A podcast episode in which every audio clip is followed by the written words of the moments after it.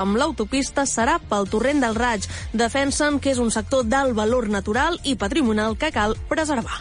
I en marxa les mesures per blindar de vehicles al centre de Mataró, Pol Costa.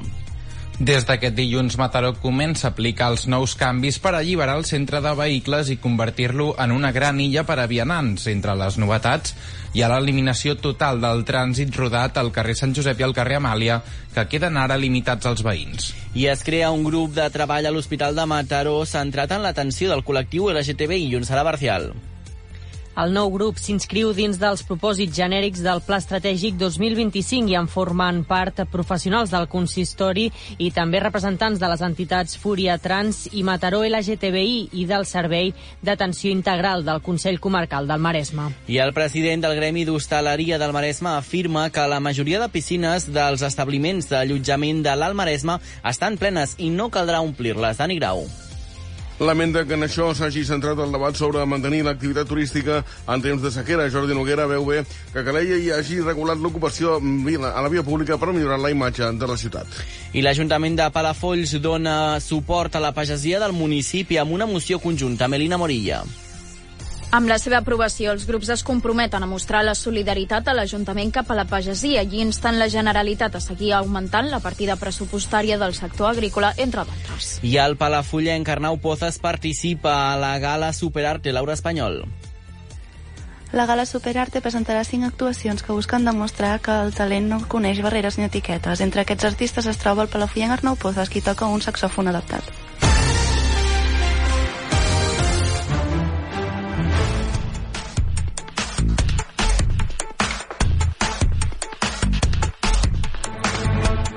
Avançàvem en titulars. Preocupació per l'impacte ambiental del nou enllaç amb la C32. Naomi Ste, bona tarda.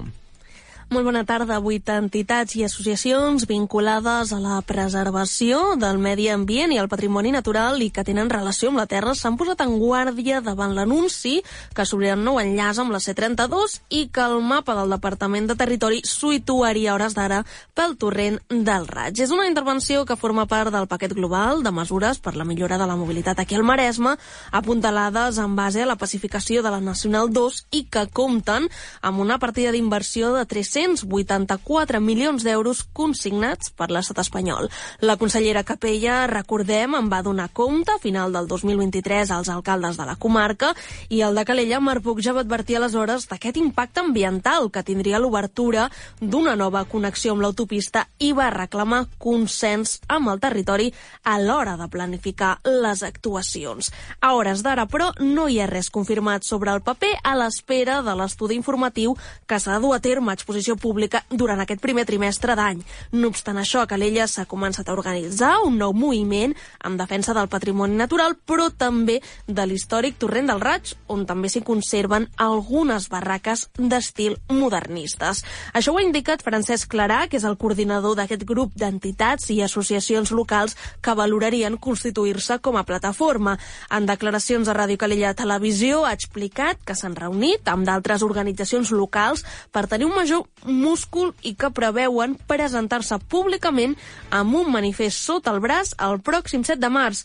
Troba discutible que ara es vulgui construir un nou ramal d'accés a l'autopista a poc més d'un quilòmetre de l'existent, amb l'argument de descongestionar la Nacional 2. Lògicament no estem d'acord amb aquest enllaç, creiem que això és un perjudici doncs, per al medi natural de Calella, no acabem doncs, de veure el sentit que amb un tram doncs, d'autopista d'un quilòmetre, un quilòmetre i escaig, es facin dos enllaços. En tot cas, això se'ns hauria d'explicar molt bé, la raó per la qual doncs, s'ha doncs, de fer aquest segon enllaç, comencem doncs, a, a mobilitzar-nos per posar aquest debat damunt de la taula i perquè doncs, la, la ciutadania estigui ben informada, dongui la seva opinió i faci sentir la seva veu.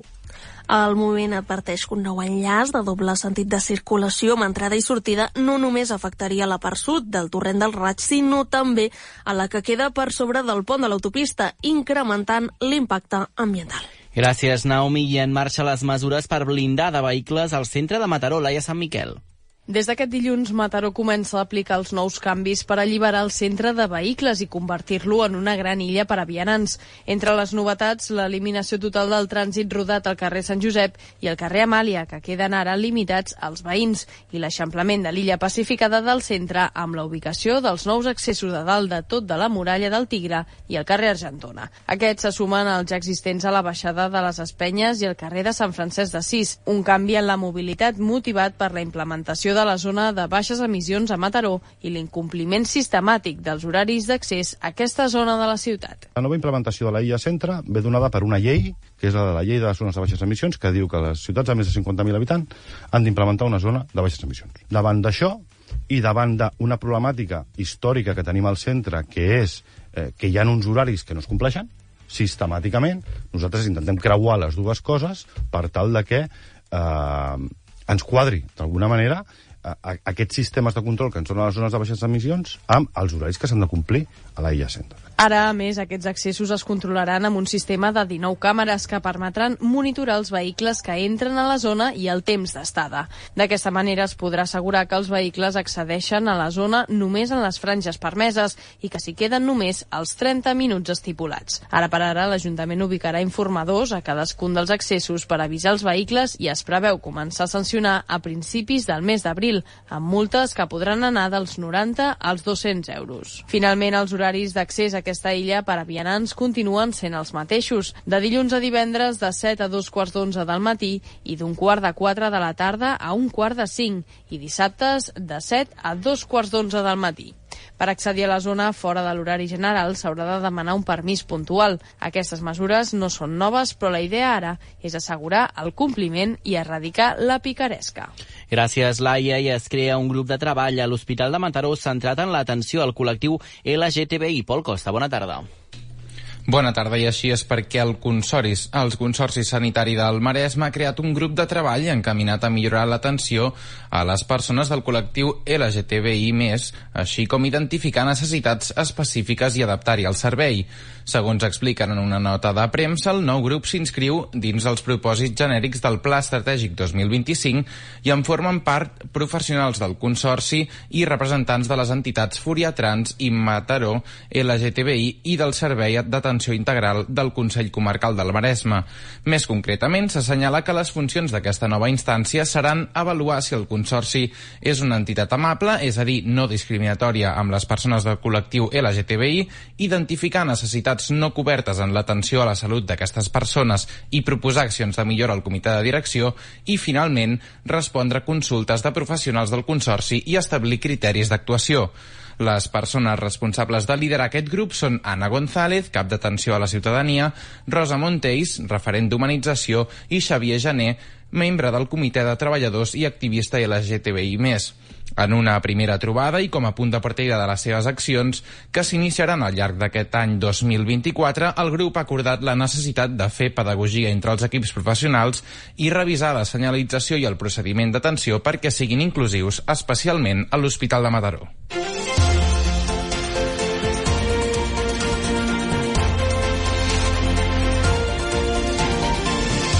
3 minuts per un quart de 5 de la tarda, el president del Gremi d'Hostaleria del Maresme afirma que la majoria de piscines dels establiments d'allotjament de l'Alt Maresme estan plenes i, per tant, no caldrà omplir-les, Naomi.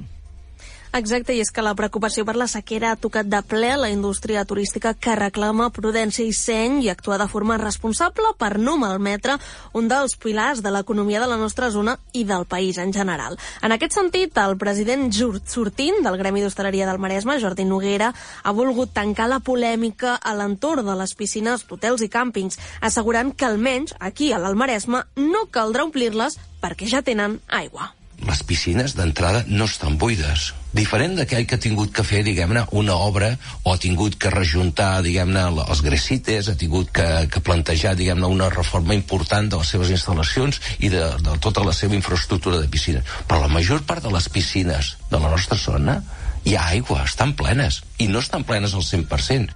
Noguera ha visitat avui els estudis de Ràdio Calella Televisió per fer balanç de la seva etapa de 8 anys al capdavant del gremi. Cedirà el testimoni a l'empresària calellenca Isabel Mallol, a qui donarà suport mantenint-se en la junta directiva però amb un paper més discret, el de vocal. Aprofitant l'entrevista a la ciutat, també s'ha referit a la iniciativa de l'Ajuntament de Calella per endreçar la ciutat a nivell comercial i de restauració amb una ordenança que es va aprovar en l'última sessió plenària que limita l'ocupació de la via pública amb taules i cadires i prohibeix l'exhibició de productes a les façanes de les botigues, el que es coneixen com a penjarelles. S'hi ha mostrat totalment partidari. Diu que és necessari si es vol vendre qualitat com a destinació turística. Gràcies, Naomi. I ahir arrencava el comitè de seguiment de la sequera premiada de mar i demà es porta al ple el nou pla d'emergència pas previ a l'arribada de la nova ordenança de consum. L'hora espanyol, bona tarda. Bona tarda. Doncs sí, se succeeixen les accions i mesures de resposta a la situació de sequera per part de l'Ajuntament. Si ahir coneixíem la intenció de construir tres dipòsits de retenció d'aigües pluvials, ahir mateix a la tarda reunia per primer cop el nou comitè de seguiment i demà el ple es porta aprovació inicial l'actualització del pla d'emergència per sequera, pas previ a la implantació d'una nova ordenança que regularà el consum d'aigua a Premià de Mar. El comitè de seguiment de la situació de sequera i de les mesures que es vagin adoptant està format per representants dels grups polítics, tècnics municipals d'àrees relacionades i també l'empresa l'empresa concessionària Agfar.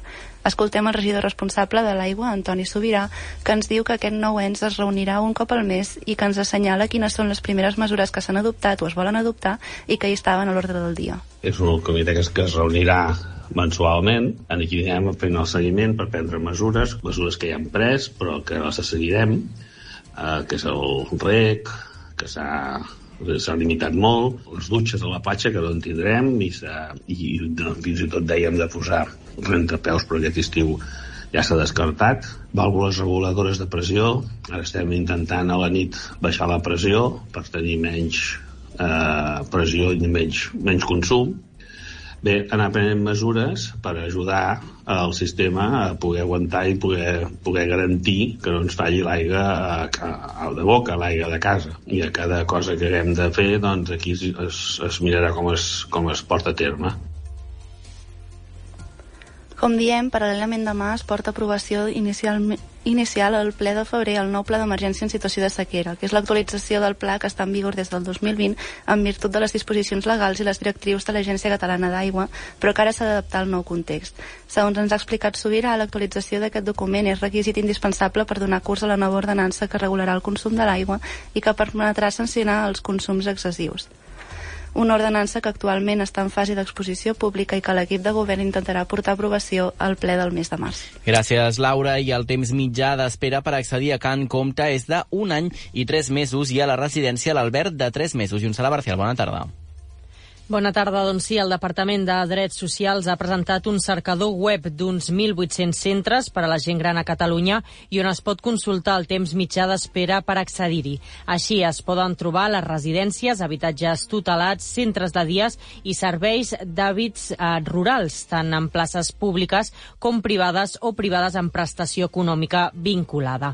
Segons el cercador web, el temps mitjà d'espera per accedir a la residència que en compte és d'un any i tres mesos. El centre públic, recordem que compta amb 39 places i, per altra banda, el temps mitjà que cal esperar per accedir a la residència, l'Albert, és de 3 mesos. El centre de Vitalià Suite compta amb 138 places. El cercador de la Generalitat també incorpora dades del temps d'espera mitjà al centre de dia de la residència Can Comte, que és de 10 mesos per optar a una de les 18 places que té i, a més, es pot trobar informació de cada equipament, com la disp disponibilitat, la titularitat, les places o els serveis que ofereix, a més de fotografies. El govern ha informat també que en les properes setmanes incorporaran a la web informació sobre les inspeccions actuacions que s'han fet en els centres, tot i que no seran les actes per un tema de confidencialitat.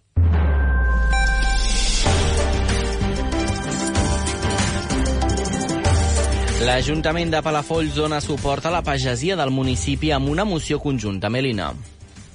Així és, aquest dijous passat els representants polítics de Palafolls van unir forces contra la situació en la que es troba el sector de la, de la pagesia al municipi i també arreu del país. Concretament, aquesta era una moció que inicialment presentava el grup municipal del PSC, però a la qual s'hi van unir la resta de partits. Amb la seva aprovació, els grups es comprometen a mostrar la solidaritat de l'Ajuntament cap a la pagesia, a demanar la implicació i la col·laboració de totes les administracions nacionals i supranacionals que tinguin competències en matèria de pagesia i agricultura i, entre d'altres, també insten la Generalitat a seguir augmentant la partida pressupostària del sector agrícola a banda de facilitar més ajuts a aquests.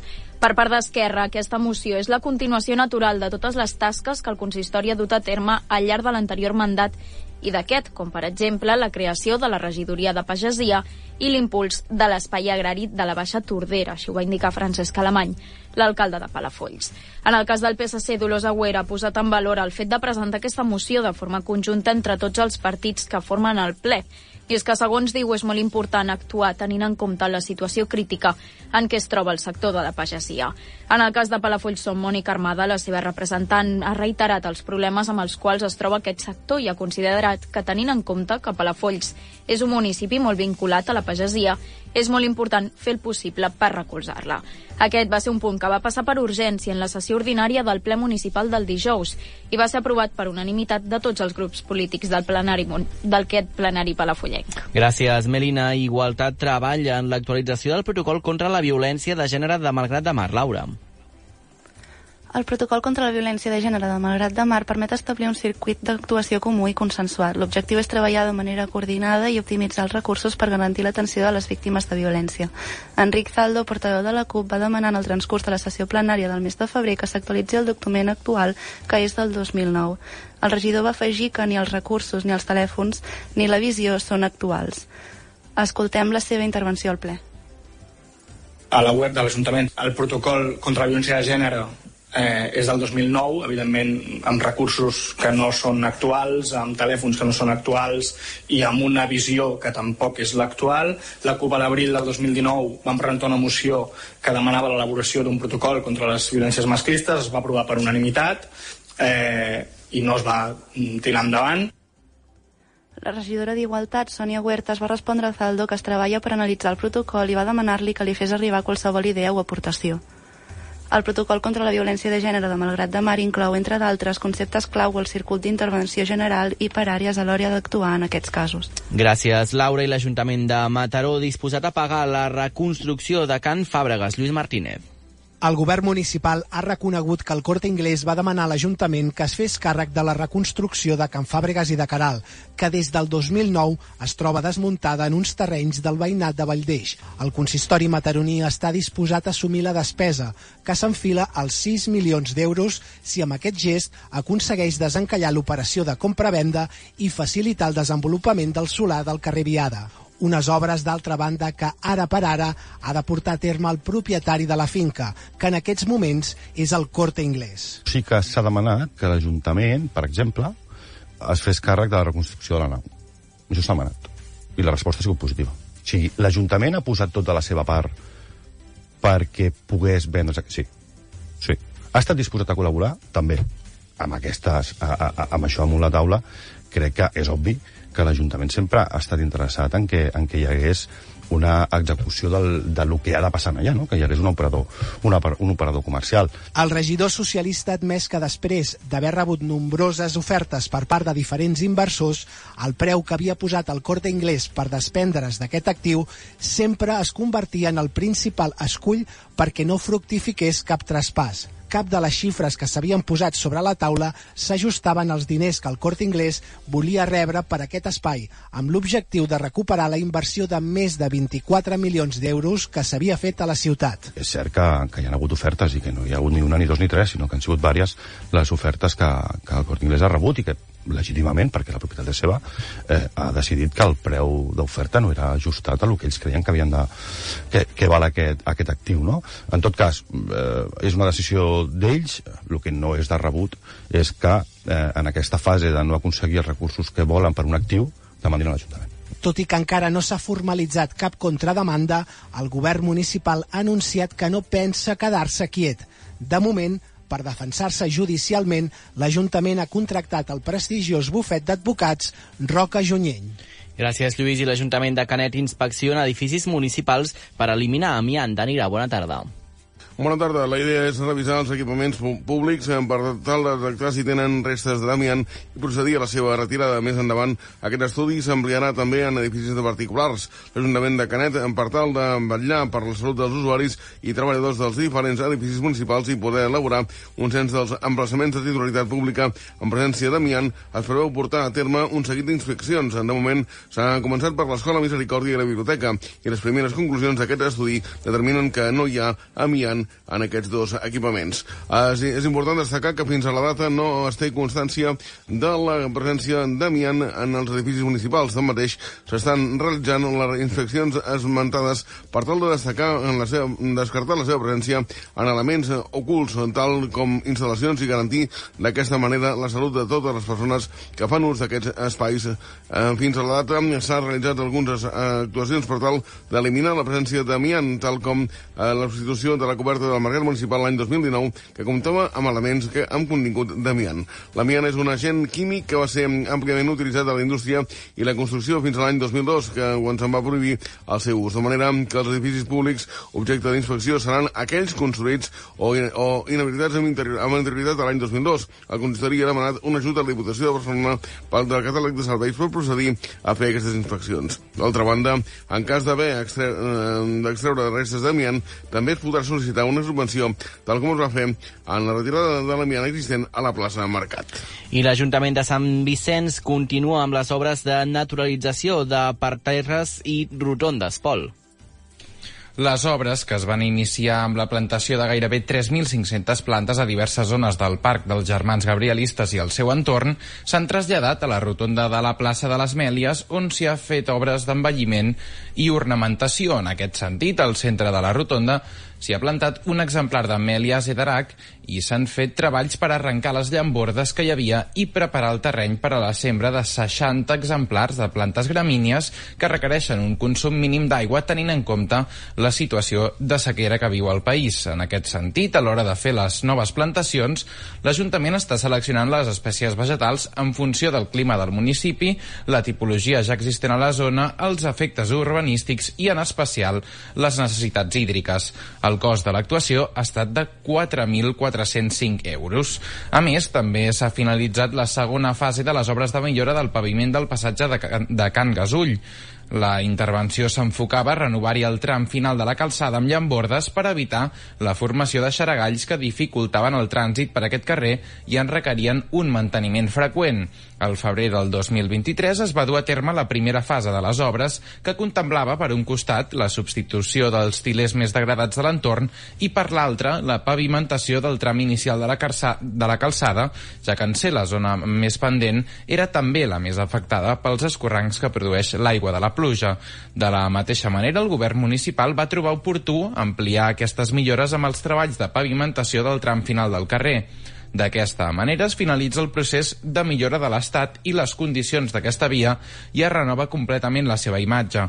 Aquesta actuació ha comportat una inversió total de 46.100 euros. Gràcies, Pol. I GA21 becarà 35 alumnes en una escola de l'Índia, Dani.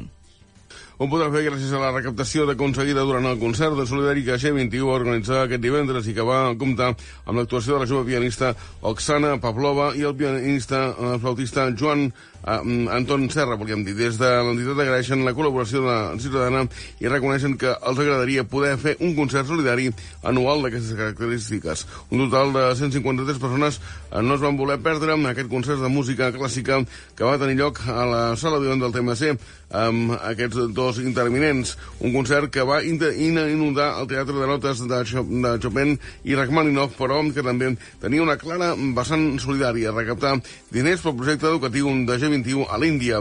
En total es van aconseguir 2.009 euros que podran, fer, podran eh, servir per becar 35 alumnes. Estudiar a l'Índia rural és l'única esperança que, que tenen nens i nenes per poder escapar de la misèria i la pobresa, però la sequera està afectant el país i molts agricultors en veuen com això em redueix els seus ingressos. Davant d'aquesta situació hi havia el perill que l'escola d'aquest poble tanqués i per això han iniciat aquest sistema de beques que vol servir per garantir la seva escolarització i evitar el tancament del centre escolar. Ho comenta el fundador de G21, Tomàs Xuber. I ens vam trobar amb això, que també per, per manca de recursos estatals es van eliminar els concerts educatius d'un any per l'altre i els pares que portaven a escoles concertades els seus fills es van trobar que havien de començar a pagar unes quotes per poder pagar les nòmines dels professors i de les professores. I clar, aquests, a l'Índia rural això és impossible. Aquests pagesos i a més a més afrontant la sequera que estem visquent no podien cobrir aquestes, aquestes quotes ni molt menys i llavors això provocava que, si els mestres no podien cobrar, doncs l'escola havia de tancar. I, bueno, mira, se'ns va acudir, doncs això, oferir-los un sistema de beques que permetessin pagar les no al 100%, però sí aquelles quotes a les que els pares no podien arribar. Vam estar dues setmanes entrevistant-nos amb família per família, eh? Uh -huh.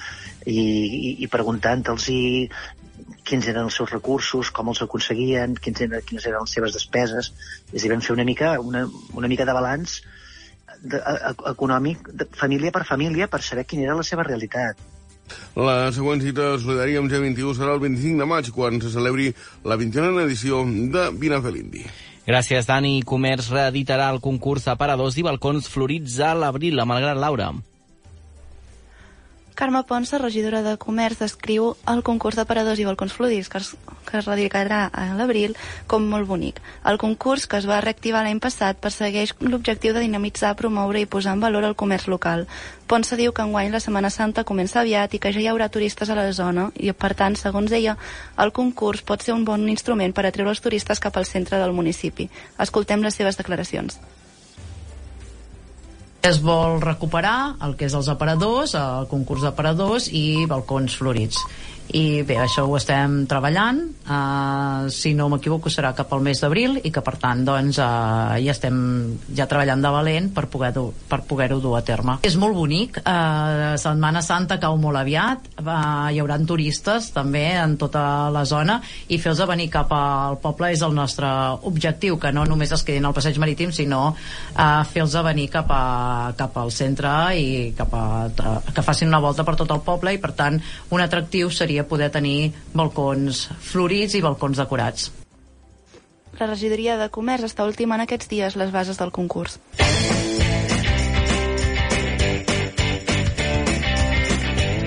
I el palafollenc Arnau Pozas participa a la gala Superarte Melina. Aquest dimecres, els teatres del Canal de Madrid seran l'escenari on es desenvoluparà la gala Superarte, una de les iniciatives més destacades a Europa en matèria d'inclusió.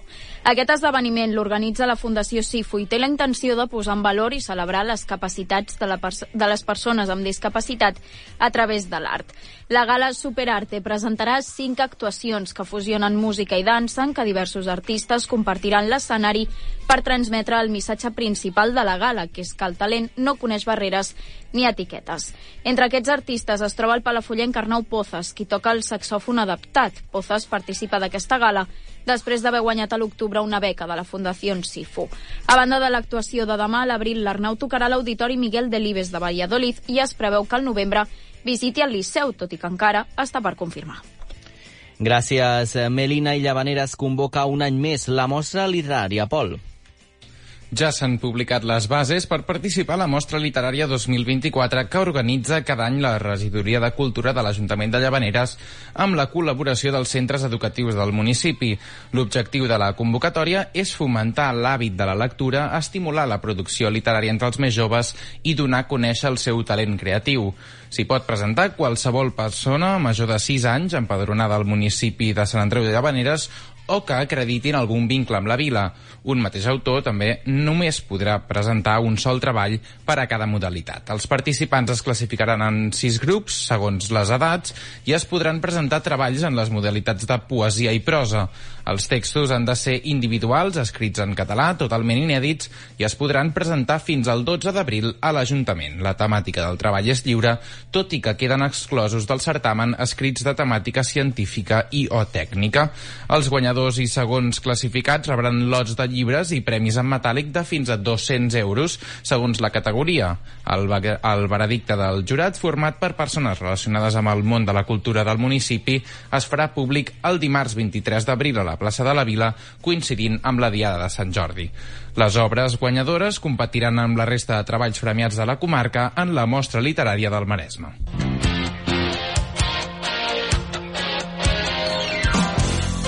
I un parell de punts esportius. Aquest diumenge arriba la segona marxa diablesca. I un Sara.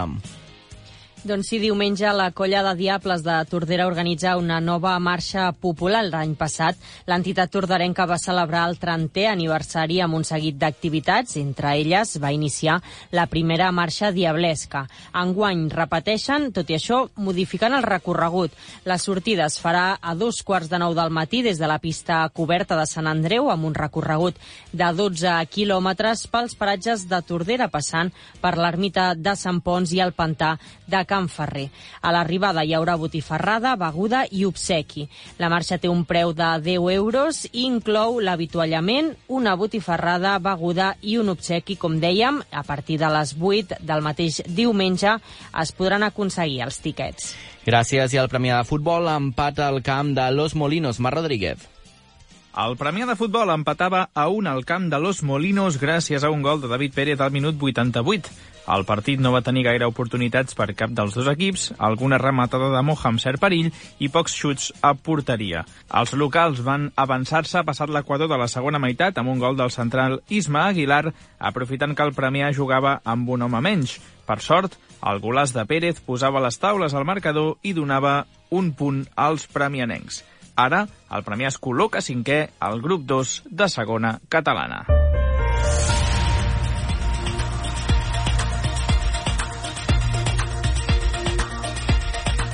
I ara passen 4 minuts a dos quarts a 5 de la tarda, moment de fer un cop d'ull al cel. Com ho tenim, Quim Serra? Bona tarda. Hola, bona tarda. Jornada d'avui marcada per l'ambient assolellat, amb restes de núvols encara a primeres hores que han marxat i que han donat pas a un dia de sol. El mateix esperem de cara a demà.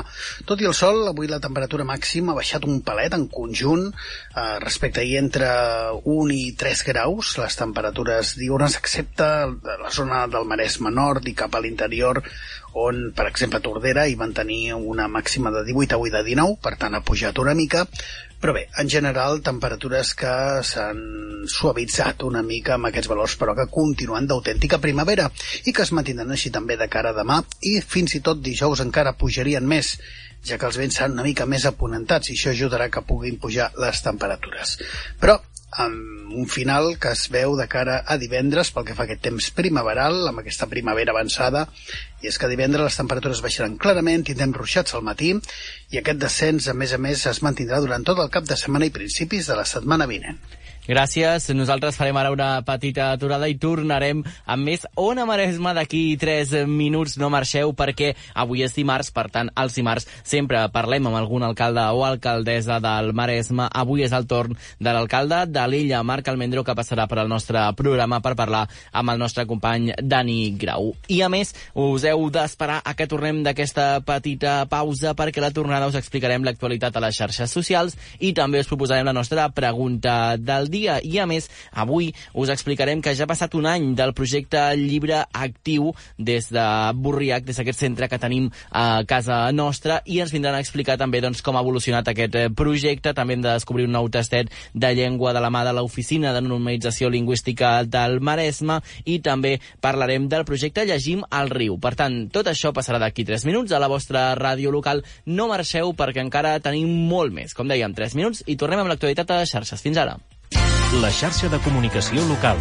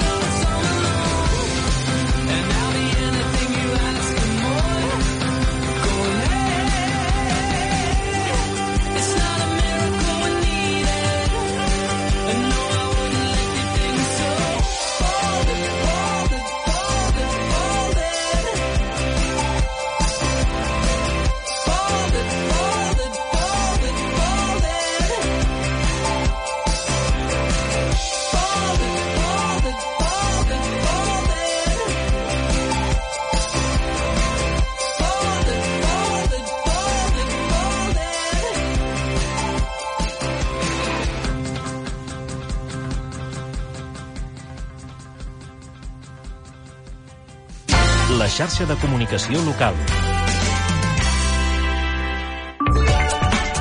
Ona Maresma, un magazín de la xarxa per les emissores maresmenques. I moment ara de fer una repassada ràpida a l'actualitat a les xarxes socials. Melina, bona tarda de nou. Què es diu del Maresme a Twitter? Doncs mira, del Maresme hi ha hagut 15 detinguts en una operació dels Mossos contra el tràfic de marihuana i aixís de la nostra comarca, també al Vallès Occidental i al Baix Llobregat. Això ha passat avui, Mhm. justament. I a nivell mundial, què és notícia? No marxem de Catalunya i és que l'Hospital de Sant Pau de Barcelona ja s'implanten els marcapassos més petits del món, uns aparells que pesen menys de 2 grams i amb un volum que no arriba a un centímetre cúbic. Aquest és el primer centre d'Europa on s'han començat a col·locar. El micro TM, eh, B-R2 i AB2 són aparells sense cables que es poden controlar i monitorar en remot, fet que permet a l'equip mèdic controlar el dispositiu sense necessitat que el pacient hagi d'anar a l'hospital. Doncs avança tot plegat i acabem amb una curiositat. Doncs avui hi ha hagut un ensurt a l'aeroport del Prat i és que hi havia un paquet amb material radioactiu que ha fet activar el pla d'emergència. Protecció Civil ha activat aquest matí els plans d'emergències Aerocat i Ratcat per un incident amb un paquet que contenia material radioactiu de baixa intensitat dins un avió que acabava d'aterrar a l'aeroport Josep Tarradellas Barcelona al Prat. La caixa estava dins de la bodega de l'avió i un cop l'anaven a retirar han comprovat que la capsa de cartró exterior que el protegia estava malmesa. Preventivament s'han establert un perímetre de seguretat per poder fer les comprovacions pertinents que ja s'ha desactivat. Mhm. Després de fer aquestes comprovacions, Protecció Civil ha informat que les mesures han donat zero, per la qual cosa s'ha confirmat que la zona és segura i s'ha desactivat l'alarma general a tot l'aeroport. Doncs ha quedat com un petit ensurt i anem a conèixer ara la pregunta del dia.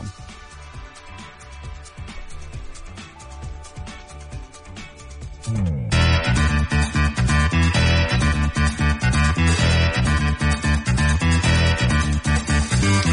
Melina, què estem preguntant avui a les xarxes? Doncs normalment als avions sempre Mhm. passen coses molt surrealistes. Llavors els que, el que preguntem als nostres oients és si ells han viscut alguna situació així dins d'un avió. Molt bé, tu n'has viscut alguna, Melina, que la recordes? No, s'ha de No. dir que no, potser turbulències, però poca cosa més. Molt bé, molt bé, jo tampoc, eh? Jo tampoc eh, m'he passat, però si us ha passat, doncs ens ho podeu explicar. Gràcies, Melina, fins després. Fins ara.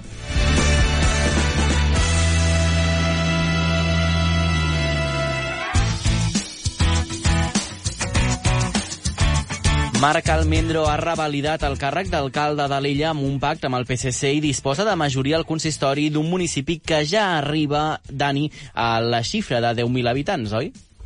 Sí, eh, això va fer canviar les majories. Abans era un consistori de, eh, de, um, de 13 regidors i ara són 17 i per tant la majoria ha passat de 7 a 9 i per tant és més difícil compagir una majoria i a l'alcalde, mm, a Esquerra Republicana en concret, doncs eh, li va faltar un regidor per mm, aconseguir aquesta majoria absoluta que ha fet amb, amb, amb els dos del PSC.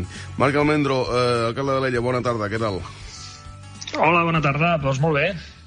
És, és així la història, no? És a dir, s'ha passat de, de 10.000 a a 10.000 habitants i s'ha passat de 13 a 100 regidors, per tant la majoria absoluta és més cara. Doncs sí, exactament com, com dius. Eh, el creixement es va ser l'any 2022, però les properes les següents eleccions, que justament són les de l'any passat, doncs és per primera vegada que hem passat doncs, aquests 17 eh, regidors i, per tant, doncs, la, hi ha aquest canvi de majories. Um, això, uh, tot i que um, crec que, um, si no estic mal, mal entès, eh? Uh, investigant, um, Esquerra Republicana va millorar els resultats, però va passar de 7 a 8, però evidentment la majoria absolutes eren 9 i per tant han tingut que compagir un pacte um, majoritari amb el PSC, um, o, és a dir, per, per superar, uh, o igualar o superar aquests 9 regidors que en superen amunt perquè en tenen 10. És així, no? Eh, és així, sí, justament. Aviam, nosaltres els dos últims mandats sí que havíem gaudit de majoria absoluta i aquest mandat, doncs, aquesta majoria doncs, eh, es, es va perdre, aquesta majoria absoluta, no?, en solitari, perquè, com dius, doncs, és, és més cara. A nivell del percentatge de vot, doncs, vam mantenir un 40% de, dels ciutadans i ciutadanes d'aquí del poble voten a la llista que jo encapçalava, però, doncs, com dius, les diferents combinacions, també la llei dona a vegades no té aquestes coses, no?, que el repartiment a vegades canvia i, per tant, doncs, les majories poden canviar. Tanmateix, mateix, també et dic que malgrat tenir majories absolutes en mandats anteriors, sempre hem governat amb altres eh, partits, també, perquè considerem doncs, que és bo no? reforçar majories doncs, més àmplies, amb més punts de vista, més visions, i per tant doncs, aquí tothom a treballar i a sumar pel bé del poble. Per tant, eh, cap problema aquest canvi i, i, i contents també doncs, que haguem pogut eh, fer aquest acord eh, progressista doncs, amb el Partit eh, Socialista d'aquí de l'Ella, amb el que ja havíem vingut eh, governant eh, molts anys abans també. Eh? Eh, en, recordo que Andreu Francisco mm, doncs ja va estar, no sé si quatre legislatures d'alcalde, almenys tres, eh, també amb majoria absoluta, que va trencar Esquerra Republicana, diguéssim, el domini de, de, de l'antiga Conferència d'Unió. Crec que amb Salvador Artigas estic parlant a memòria, eh? Vull dir, estic parlant a memòria. I, per tant, eh, i vostè ha sigut el, diguéssim, el que ha substituït a Andreu Francisco i ha mantingut aquesta majoria, en un, bueno, aquesta majoria bastant àmplia, en un poble, diguéssim, eh, bueno, que eh, se'n podria dir mm, que hauria de ser, eh, diguéssim, de dretes, eh, perquè té unes, eh, diguéssim, uns, eh, uns condicions econòmics bastant... Eh, una, una renda per càpita bastant alta i eh, eh, Esquerra Republicana, doncs, eh, o l'Esquerra, mm, en general, és que a l'ella, des de que, mm, des de que governa fa molts anys Esquerra Republicana, eh, ha tancat aquesta tendència que és, eh, bueno, que és habitual i a Esquerra i a, i a l'ella no. A què ho atribueix això? Bé, eh, primer de tot, doncs, eh, felicitar-lo, eh, perquè sí, sí, ben bé, com diu vostè, l'anterior la, alcalde, Andreu Francisco, eh, va ser per primera vegada el 2003 i fins l'any 2019, per tant, 16 anys, 4 mandats, Eh, certament abans doncs, hi havia hagut eh, diferents governs, excepte el primer, el primer de, de, de la, aquesta nova democràcia, diguéssim, però havien sigut governs doncs, eh, de, de Convergència i Unió aquí a, a l'Ella, i, però també és cert doncs, eh, al revés, que des del 2003 fins ara, per tant ja portem 21 anys, que els governs venen sent encapçalats per Esquerra Republicana sumant per l'Ella aquí al poble, i per tant doncs, també, mm, com dir-ho, doncs, orgullosos, però al mateix temps amb una gran responsabilitat per, per mantenir doncs, aquesta, aquest compromís que tenim amb la ciutadania, d'aquesta manera de governar, aquesta manera de continuar millorant el poble i millorant la qualitat de vida de la, de la ciutadania de la ciutadania d'aquí de, de l'Ella. No? Jo crec que eh, això és, és el més important, és el que s'atribueix. Jo crec que l'Ella és, és moltes coses, certament també és un poble doncs, que sol, es sol associar no? amb aquestes rentes per càpites altes, però l'Ella és moltes més coses, no? eh, és, és també identitat, és també polítiques socials i és també doncs, eh, una aposta clara per polítiques de, de benestar, de qualitat de vida de, de, de les persones i, per tant, doncs això és el que està dintre del, de, de, de, dels principals objectius que tenim eh, des del govern, no? des de l'Ajuntament de l'Illa. Quins són els objectius per, per, per aquest primer any i, en general per, la, per aquesta legislatura més complicada, tenint en compte doncs, que mm, els eh, recursos econòmics són eh, més escassos i no sé si han tingut que també pujar l'IBI, que és l'únic que és l'únic eh, impost que, que va íntegrament per, per l'Ajuntament, en podríem dir. Doncs bé, dissortadament sí, hem hagut de fer aquest increment de, de l'IBI, no perquè ens agradi ni ens vingui de gust, perquè sempre ho dic jo aquí també, mira, últimament estem fent audiències de barcs aquests últims dies i és la primera cosa que els hi menciono, no?, de que nosaltres a, a l'alcalde, als regidors, regidores, no som res més que veïns i veïnes que hem donat un pas endavant i que volem doncs, que prenem aquesta responsabilitat d'estar al capdavant doncs, de l'Ajuntament, que és l'administració de tots i totes, i que el que ens pertoca és prendre decisions, algunes de molt senzilles, alguna de molt complexa, no? I justament doncs, decidir promoure doncs, un increment dels impostos és una decisió molt complexa perquè no agrada i, i de fet és, eh, no, no és la primera eh, opció, la primera, eh, el primer plantejament. No? El primer plantejament justament és intentar doncs, eh, contenir les despeses, és intentar doncs, rebaixar la despesa, però també és cert que quan el que es posa en joc, el que aquesta eh, restricció de despesa doncs, posa en perill les polítiques socials que mencionàvem abans, però àmpliament enteses, eh? polítiques socials també com una aposta clara cap a l'educació, cap a la cultura, eh, cap a la joventut i adolescència, cap a tots els sectors socials. No? Eh, quan tot això pot posar-se en risc, doncs, òbviament, eh, si nosaltres representem alguna quelcom, és aquest model de poble i, per tant, el que teníem molt clar des del govern era que eh, pos, eh, més enllà de fer la màxima contenció de despesa, el que procedia doncs, era necessari doncs, era fer aquest increment d'impostos. No? Eh, òbviament això també doncs, és eh, després de, de, de fer un, debats interns, no? debats també i moltes informació i explicacions cap a la ciutadania perquè s'entengui també. Jo crec que estem en un moment que la gent això, doncs, mm, com dèiem, eh, dissortadament doncs, ho entén perquè eh, tots som conscients doncs, de les pujades de, de, de costos, de preus, de que tots estem sotmesos i per tant doncs, l'Ajuntament no té una màquina màgica que fabrica eh, diners, sinó gestiona és el diner públic, que és diner de tots els veïns i veïnes del poble evident. Um, no sé, no, no hi entenc, eh? Jo de vins eh, només només m'agraden. Um, estan preocupats aquí eh, al Maresme Nord, estem preocupats perquè el turisme doncs, eh, tindrà problemes amb les piscines i, evidentment, és un, és un eh, sector econòmic important. Um, la sequera també afectarà, diguéssim, pot afectar eh, el, el, el, el vi diguéssim, a la, a la DO, o no? no? És que no hi entenc, alcalde, no sé. Bé, eh, la Déu a l'Illa, que nosaltres tenim aquest eh, honor de posar-li nom, però en realitat són 31 municipis de, de tres sí, comarques també, diferents, sí, sí, per tant, sí, sí, sí. és tot un territori molt ampli, però en tot cas eh, no és que preocupi la sequera només, que òbviament la sequera és un mal que s'afegeix doncs, en el món agrari i que això doncs, eh, és un món que, que realment doncs, eh, necessita de tot el suport de la ciutadania i de les administracions, òbviament, eh? però és que això suma doncs, també a canvi climàtic i, i, i a canvi de temperatures i, òbviament, la sequera doncs, eh, ha, afectat, ha afectat ja, no és que afectarà, que també, sinó que ja ha afectat a les produccions d'aquest any que acabem de deixar enrere la, la barema del 2023. Eh? Amb, òbviament, amb vinya que, que ha patit molt, amb vinya que en alguns casos fins i tot de l'any passat es va haver de, de, de, de regar, i això és extraordinari perquè la gent ho entengui, perquè la vinya és allò que es plantava quan sí, res més agafava, sí, no? quant a cultiu, sí. i, i el, i, i fins i tot doncs, eh, fent seguiment amb preocupació per part dels viticultors, dels cellers d'aquí del poble, doncs, eh, eh, que òbviament doncs, hi ha ceps que, que, que estan morint per aquest estrès hídric i per tant doncs, això és un fet totalment extraordinari i, i, que, i que preocupa molt en el sector. És un mal que s'afegeix amb d'altres mals que pateix doncs, el món agrari que per tant eh, aquí a l'Ella el que vam procedir ja l'any passat és a constituir un Consell Agrari de poble en què hi ha pagesia, en què hi ha persones que, que, que volen donar el seu suport, en què hi ha tècnics i en què, òbviament, els grups polítics també tenim representació i el que fem és un fòrum de tot el poble per mirar com poder eh, donar un cop de mà i promocionar des d'aquí doncs, aquestes polítiques agràries necessàries, imprescindibles.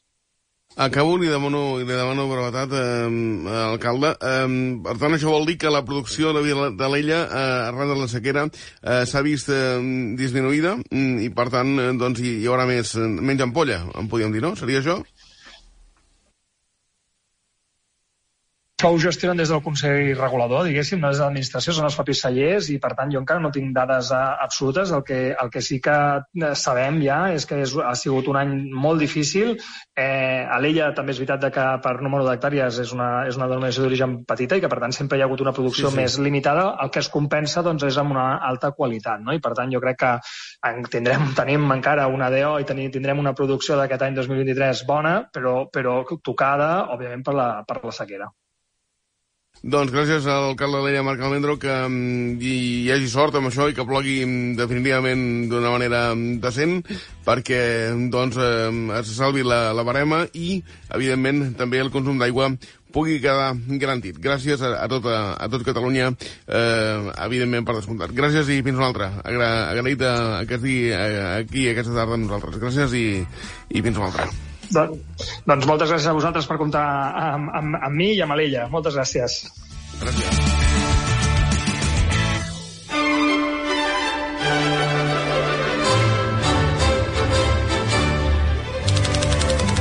I ara és el moment de conèixer què passava tal dia com avui, un 20 de febrer d'altres anys. Junts Sara. Doncs us expliquem avui una efemèride que ha tingut diversos noms, com plaça Reial del Raval, mm -hmm. de la Constitució, de la República, i també ha tingut doncs, diferents funcions, entre elles l'acollida de visites importants, feien també corregudes de bous o l'espai dedicat al comerç de mercaderies. Parlem de la plaça Mayor de Madrid, que tal dia com avui, fa 39 anys, va ser declarada Monument Històrico-Artístic, actualment bé bé d'interès cultural i un reconeixement nacional també que va posar en valor el treball de l'arquitecte Gómez de Mora, el seu creador a petició de Felip III. Va ser inaugurada l'any 1619 i és un lloc molt visitat i fotografiat de la ciutat, però també va ser famosa aquesta plaça Mayor per aquest moment. Doncs mira, ja hem conegut també l'origen d'aquest famós espai. A relaxing cup of café con leche in Plaza Mayor or a quaint romantic Era aquest el moment Era que volíem moment. també Home, ben mític. recordar. Més gairebé que la pròpia plaça, eh? I on Sara? Sí, la veritat és que sí, eh, que molts de nosaltres doncs, recordem també aquest eh, moment d'anar a Botella. Oh, i tant. Què més passava tal dia com avui? Doncs mira, anem ara fins al 1992, perquè tal dia com avui l'esquiadora Blanca Fernández Ochoa va guanyar la medalla de bronze a l'eslàlom femení als Jocs Olímpics d'hivern celebrats a França. Es va convertir així en la primera esportista espanyola que va penjar-se una medalla olímpica. Anteriorment ja havia estat campiona a Espanya en la categoria també d'eslàlom gegant i, el, i descens, al 82, mm. i campiona en tots els títols absolut de l'any 1980 93. En competicions internacionals també va competir amb molts èxits.